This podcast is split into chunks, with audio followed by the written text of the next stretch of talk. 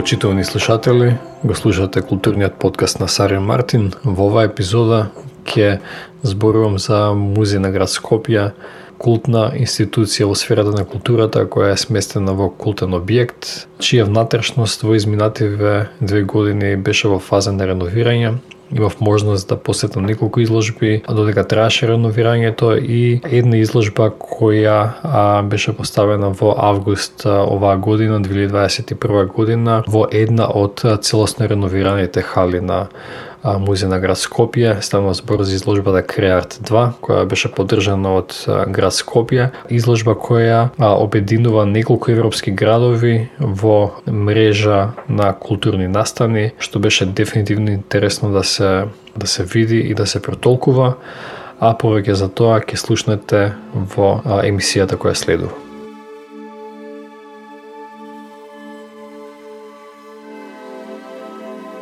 Ќе започнам со со моите впечатоци во врска со музеот на град Скопје. Тоа представува култна институција, не само за тоа што се наоѓа во култен објект, туку и за тоа што досега музеот на град Скопје бил дом на неброени изложби, поставки кои го хранеле културниот живот на градот Скопје. Највпечатливото нешто во врска со музеот на град Скопје е тоа што тој не се наоѓа во некој нов објект, туку се наоѓа во во остатокот од некогашната железничка станица во Скопје која важела за една од најубавите во времето на Југославија, најубавите и чином една од најголемите. Земјотресот во 1963 година видно ја погодил зградата на железницата и денеска ние имаме таква привилегија односно тоа е таков куриозитет да имаме музеј што е сместен во објект што има таква историја. Тоа лично за мене, на мене ми говори за жилавоста на Скопје кој од секогаш се се соочувал со секакви предизвици, се соочуваме со предизвици и сега и јас барем лично верувам дека уметноста постои за да може да ни помогне да ги надминеме или барем да ги сватиме тие предизвици, да можеме да собереме сила да се бориме нас против нив, некако да ги измениме и така натаму. Случајно или не, насловот на изложбата што ја посетив е што би се случило ако со поднаслов, со поднаслов градење на алтернативна иднина. Ова изложба беше сосем прикладно отворена во музеј што е реновиран, односно музеот се уште е во фаза на реновирање, но реновирани се веќе комплетно. Главниот хол од каде што се влегува во двете музејски простори. И само това реновација представува креирање на алтернативна иднина. Тоа верувам дека повеќето ќе се согласат а, на тоа дека музеите исто како и образовните институции се места каде што луѓето можат да дојдат по својата и културна гратификација, но и по својата световидна наобразба, односно музеите имаат сила и капацитет да ги да ги прошират нашите гледишта и да ни дадат едно нематеријално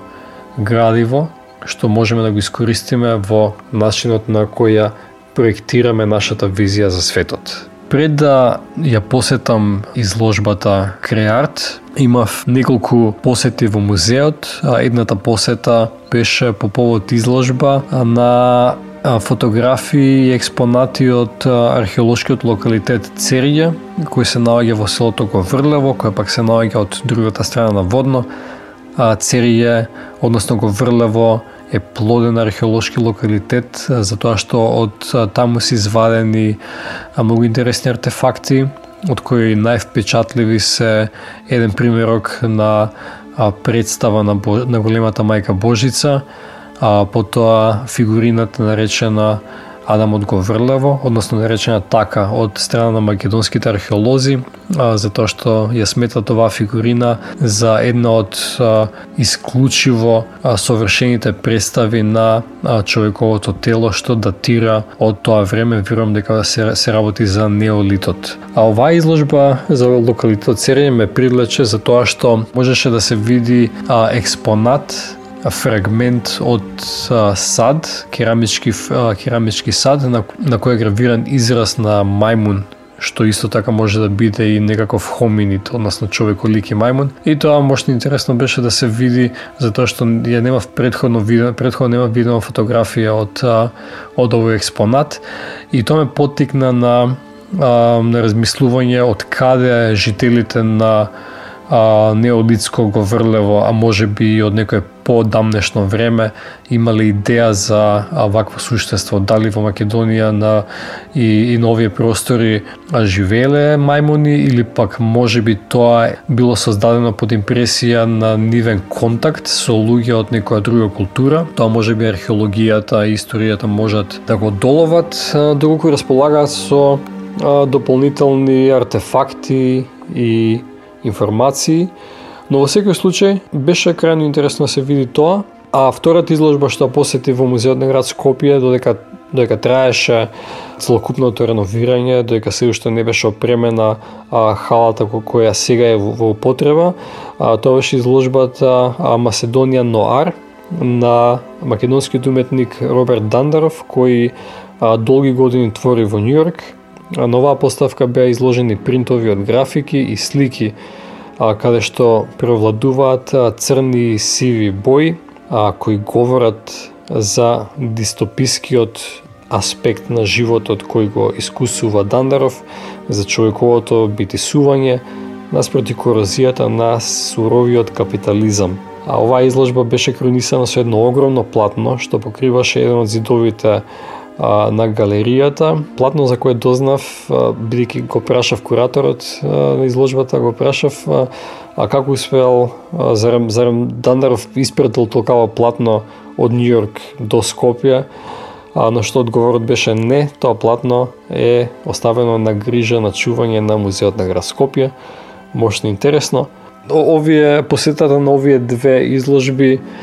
а, ми овозможија едно едно крајно интересно искуство на наблюдување на фазите на реновацијата. А, самиот а, тој процес може да се смета како уметничка инсталација, затоа што експонати од самиот музеј а, беа преместувани од едно на друго место. А кога отидов да видам изложбата за Церија, имаше поставено таму во холот на музеот, имаше еден бел крст кој беше подпрен на краците, а веќе кога отидов следниот пат, истиот тој крст беше исправен и беше поставен а, на друг крај од а, холот, а потоа најдов на едни две огромни топки со пречник можеби од половина метар или повеќе,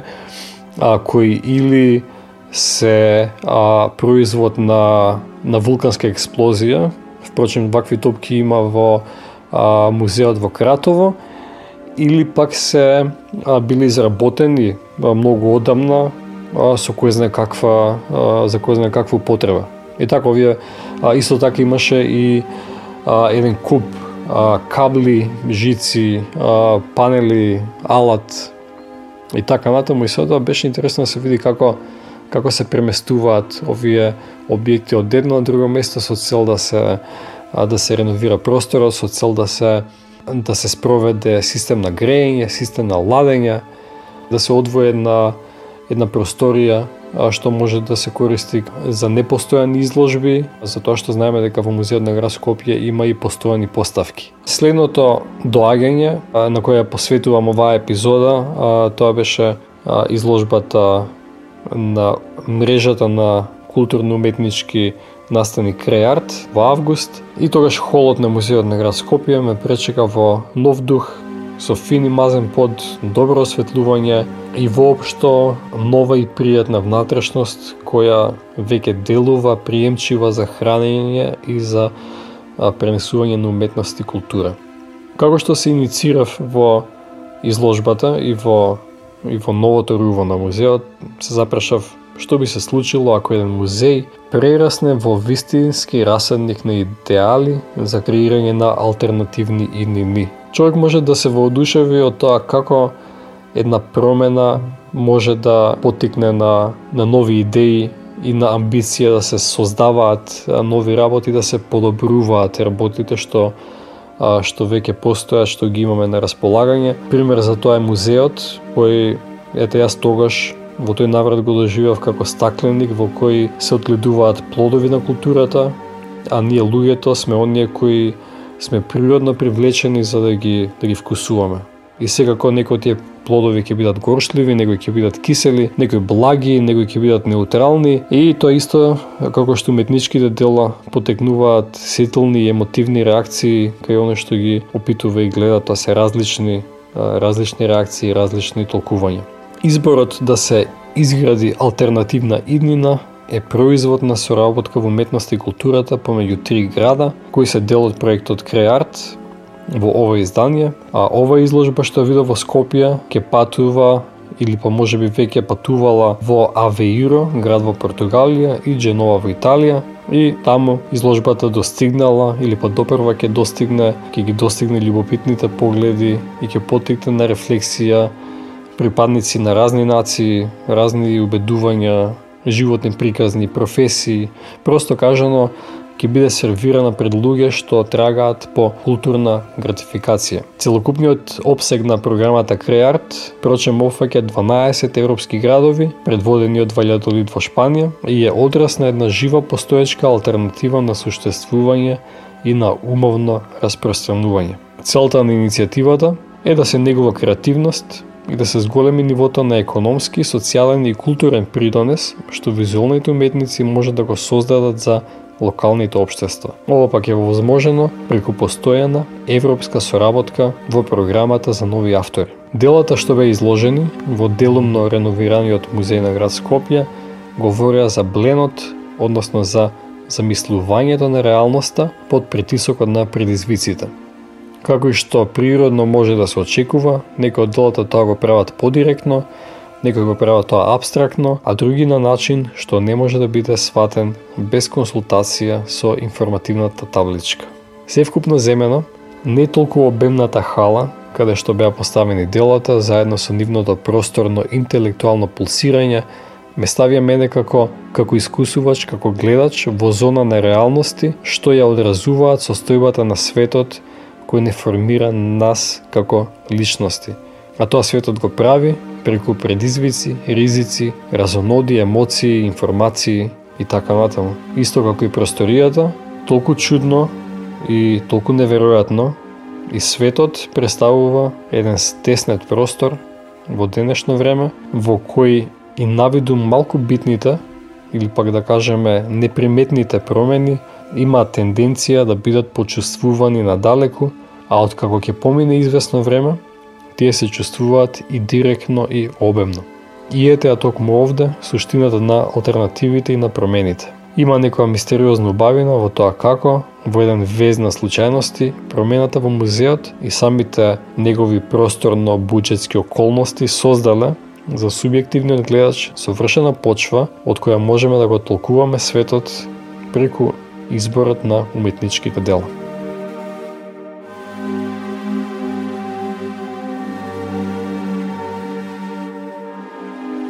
Просторот беше исполнет со инсталации, а што не овозможува а, премногу преголема слобода на движење, бидејќи некој од делата зазема огромен простор, имаше дела а, на, на зидовите и така човек а, немаше друг избор, немав друг избор освен да, да тргнам не по некој редослед, а туку спонтано. Првото дело што ме привлече беа две графики – и ме привлекува овие графики со нивната зелена, а, силна зелена боја. На табличката пишуваше Аисте Амбражевичи Уите. Прочитав уште еднашка, а сакам и да го изговорам ова литванско име и презиме. Аисте Амбражевичи Уите. А, ова уметница а, креира 3D вегетацијски облици кои наликуваат на на микроскопски поглед на некакво суштество, водно суштество или па пресек на лист, а, но всушност се незини замислени а, вегетацијски облики, која таа ги собрала во изданието Плантазија Лаб. Плантазија Лаб е збир на замислени видови на мов, алги и вегетација, а целта на збирката е да ги подобри односите помеѓу вештачки создадената и природната животна средина со цел да се создаде незамисливото. И така преку а, креирање на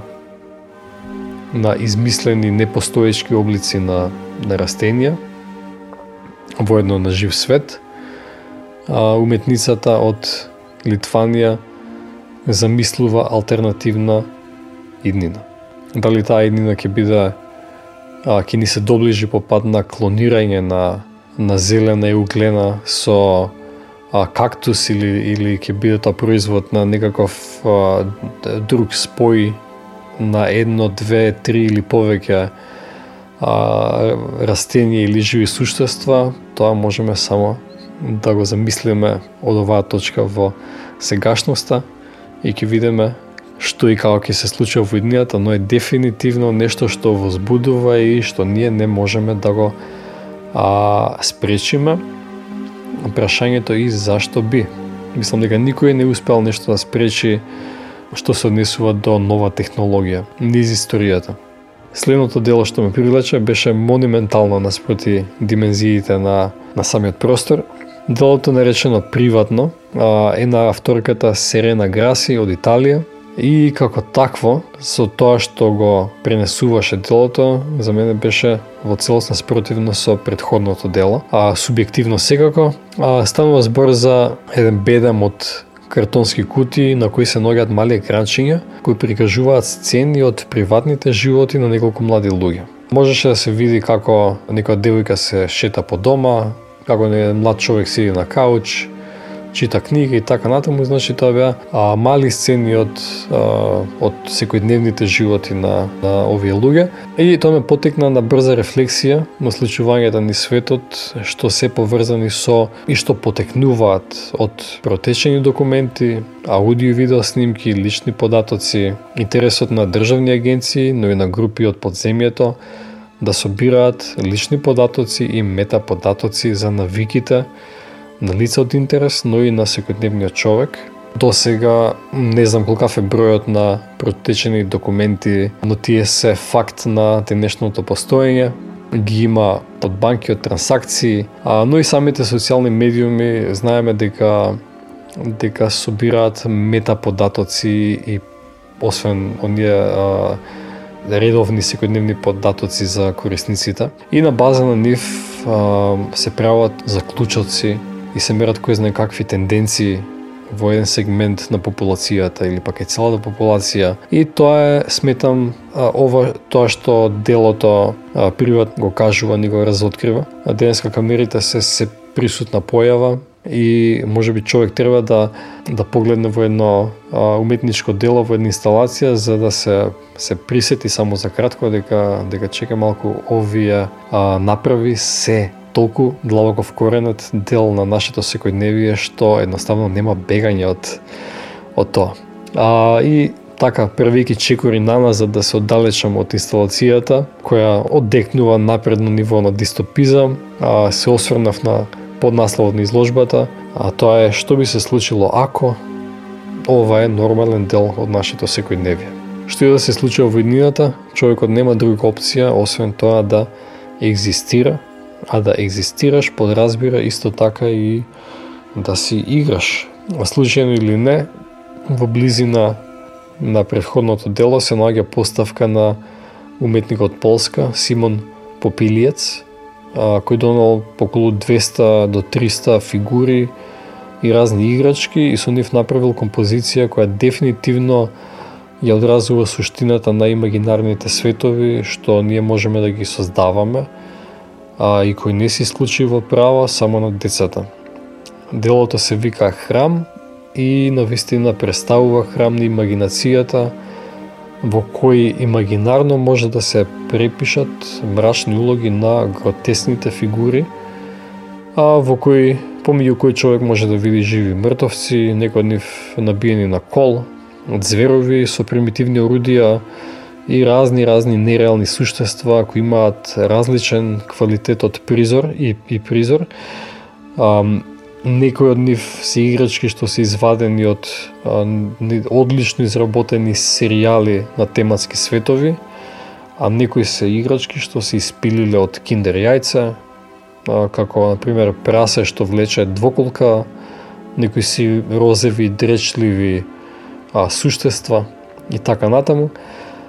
И на средината на, на целава оваа композиција се наоѓа модел на замок, а, и тоа е, мислам дека предметот, што е несомнено епитом на делото храм, а во подножието на храмот врие траур искажен преку колекција на а, човековидни пред се фигури. Ми се допадна начинот како оваа инсталација се двои од другите, а, со една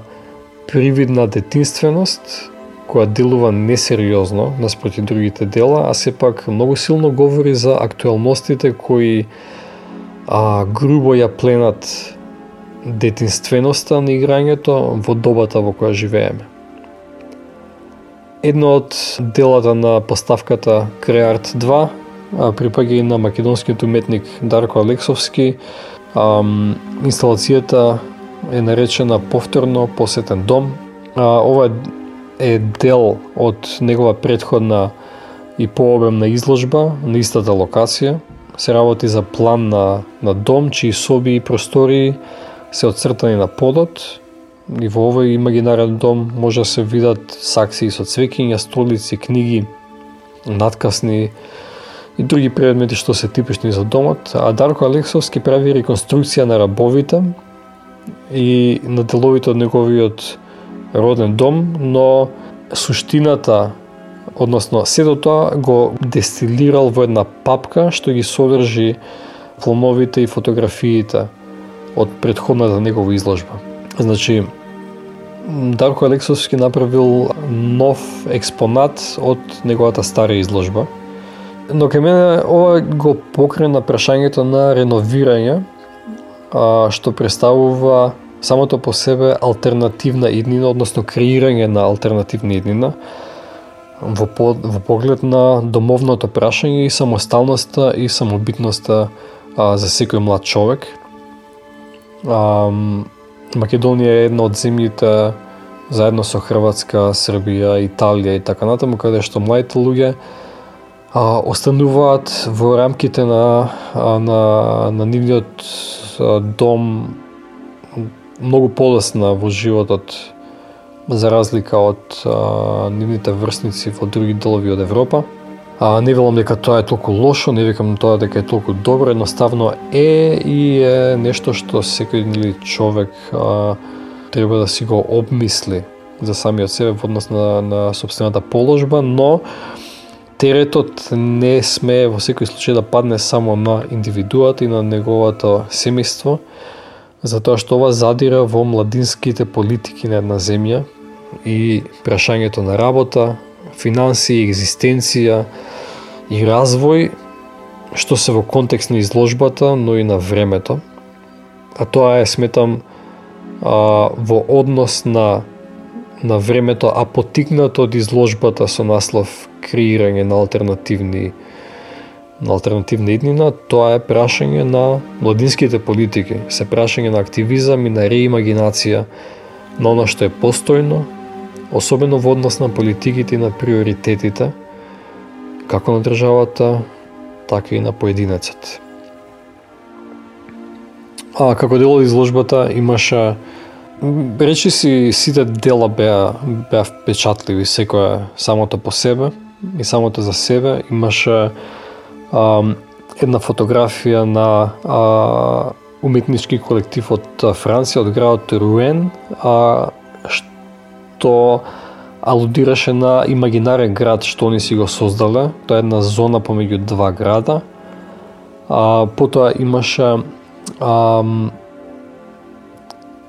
нови планети кои биле создадени од уметница од Хрватска, имагинарни планети, секоја со своје име, со своја маса, а фактографски податоци и така натаму. И целата изложба беше во а, во духот на на креирање на работи што до тогаш не постоеле, а сега постојат во свеста на уметниците и како уметнички дела. Изложбата Креарт 2 во Музеот на град Скопје поврза поврзува различни градови, но една од целите е да се поврзат жителите на еден град секако и луѓето што доаѓаат од странство да го посетат градот. Но мене ми е жал а, што и покрај тоа што во изминативе неколку години Скопје нуди солидна културно-уметничка разновидност, се чини дека повеќето жители се уште не се разбудени во современата реалност, каде што музејските изложби се на ниво на ресторани за или интелектуална, па и да кажеме духовна храна. Фали не остасува поголема посетеност на музеите, а не само на луѓето што не само од луѓето што редовно а, или има тенденција да да конзумираат култура и уметност, туку зборувам мислам и на на општата популација. Секој човек може да да има ново искуство во животот. Нешто што очено ни е потребно на сите, нови искуства, нови видувања. И тоа може да се доживее, да се искуси во Музеот на град Скопје, во Музеот на современа уметност и секако неколку други локации во Скопје, а, но и во други градови на, на Македонија. Од друга страна, оние луѓе што се директно засегнати за развојот на културата, како и за самиот, а, како и за самите состојби во градовите во кои живеат, има можност да бидат дел од последователна работилница со наслов оживување на градот преку уметност, настан на кој учесниците може да научат за модалитетите на интегрирање на нови уметнички облици во јавните површини, уметнички проекти на ниво на заедница, уметноста како платформа за социјална интеграција, уметноста како екологија, развојот на градските екосистеми преку уметност и повеќе. Ми се допадна многу тоа што Креар 2 не беше само изложба, туку беше и една платформа за стекнување на нови знаења и за вмрежување со луѓе што може би размислуваат на иста линија со а, едни со други. Ке кажам се повеќе за програмата Creart. Таа е поддржана од Creative Europe. До сега возможила тренинг и промоција на повеќе од 400 уметници и 100 куратори и менаджери на музејски институции и галерии. Во градовите низ Европа, мали и големи градови, една од новините се културно-уметничките поставки во урбаната сфера. Во тој поглед, Креарт и податокот што Скопје е дел од оваа мрежа треба да биде поттик да ги извадиме своите најдобри креации од лавиринтите на на умот и да ги преточиме во култура што европеизира, односно што отворено разговара за се што е. Самата Европска комисија има подготвено своји водичи наменети за програмата CREART, чија цел е да ги посоветува создателите и хранителите на уметноста како да го излечат најдоброто од можностите за уметничка резиденција. Според дел од истражувањето, објавено во водичот со наслов Contribution to Artistic Creation to Local Development, стратегиите за промоција на креативноста преку културни настани и иницијативи имаат евидентен придонес во социјалната иновација, економскиот развој и интернационализацијата на градовите. Истражувањето опфаќа 40 европски градови со средна големина. За крајот на оваа епизода на културниот подкаст на Сара и Мартин, можам само да ве поканам да ја посетите следната изложба во Музеот на град Скопје и изложбата пота, и следната и така натаму. А сега следува мојот разговор со Филип Аврамчев, организатор на Скопје Light Art District, настан што веќе е добро познат за жителите на Скопје, како и Бела Ноки, подеднакво добро познат настан. Со Филип разговараме за а, уметничките инсталации во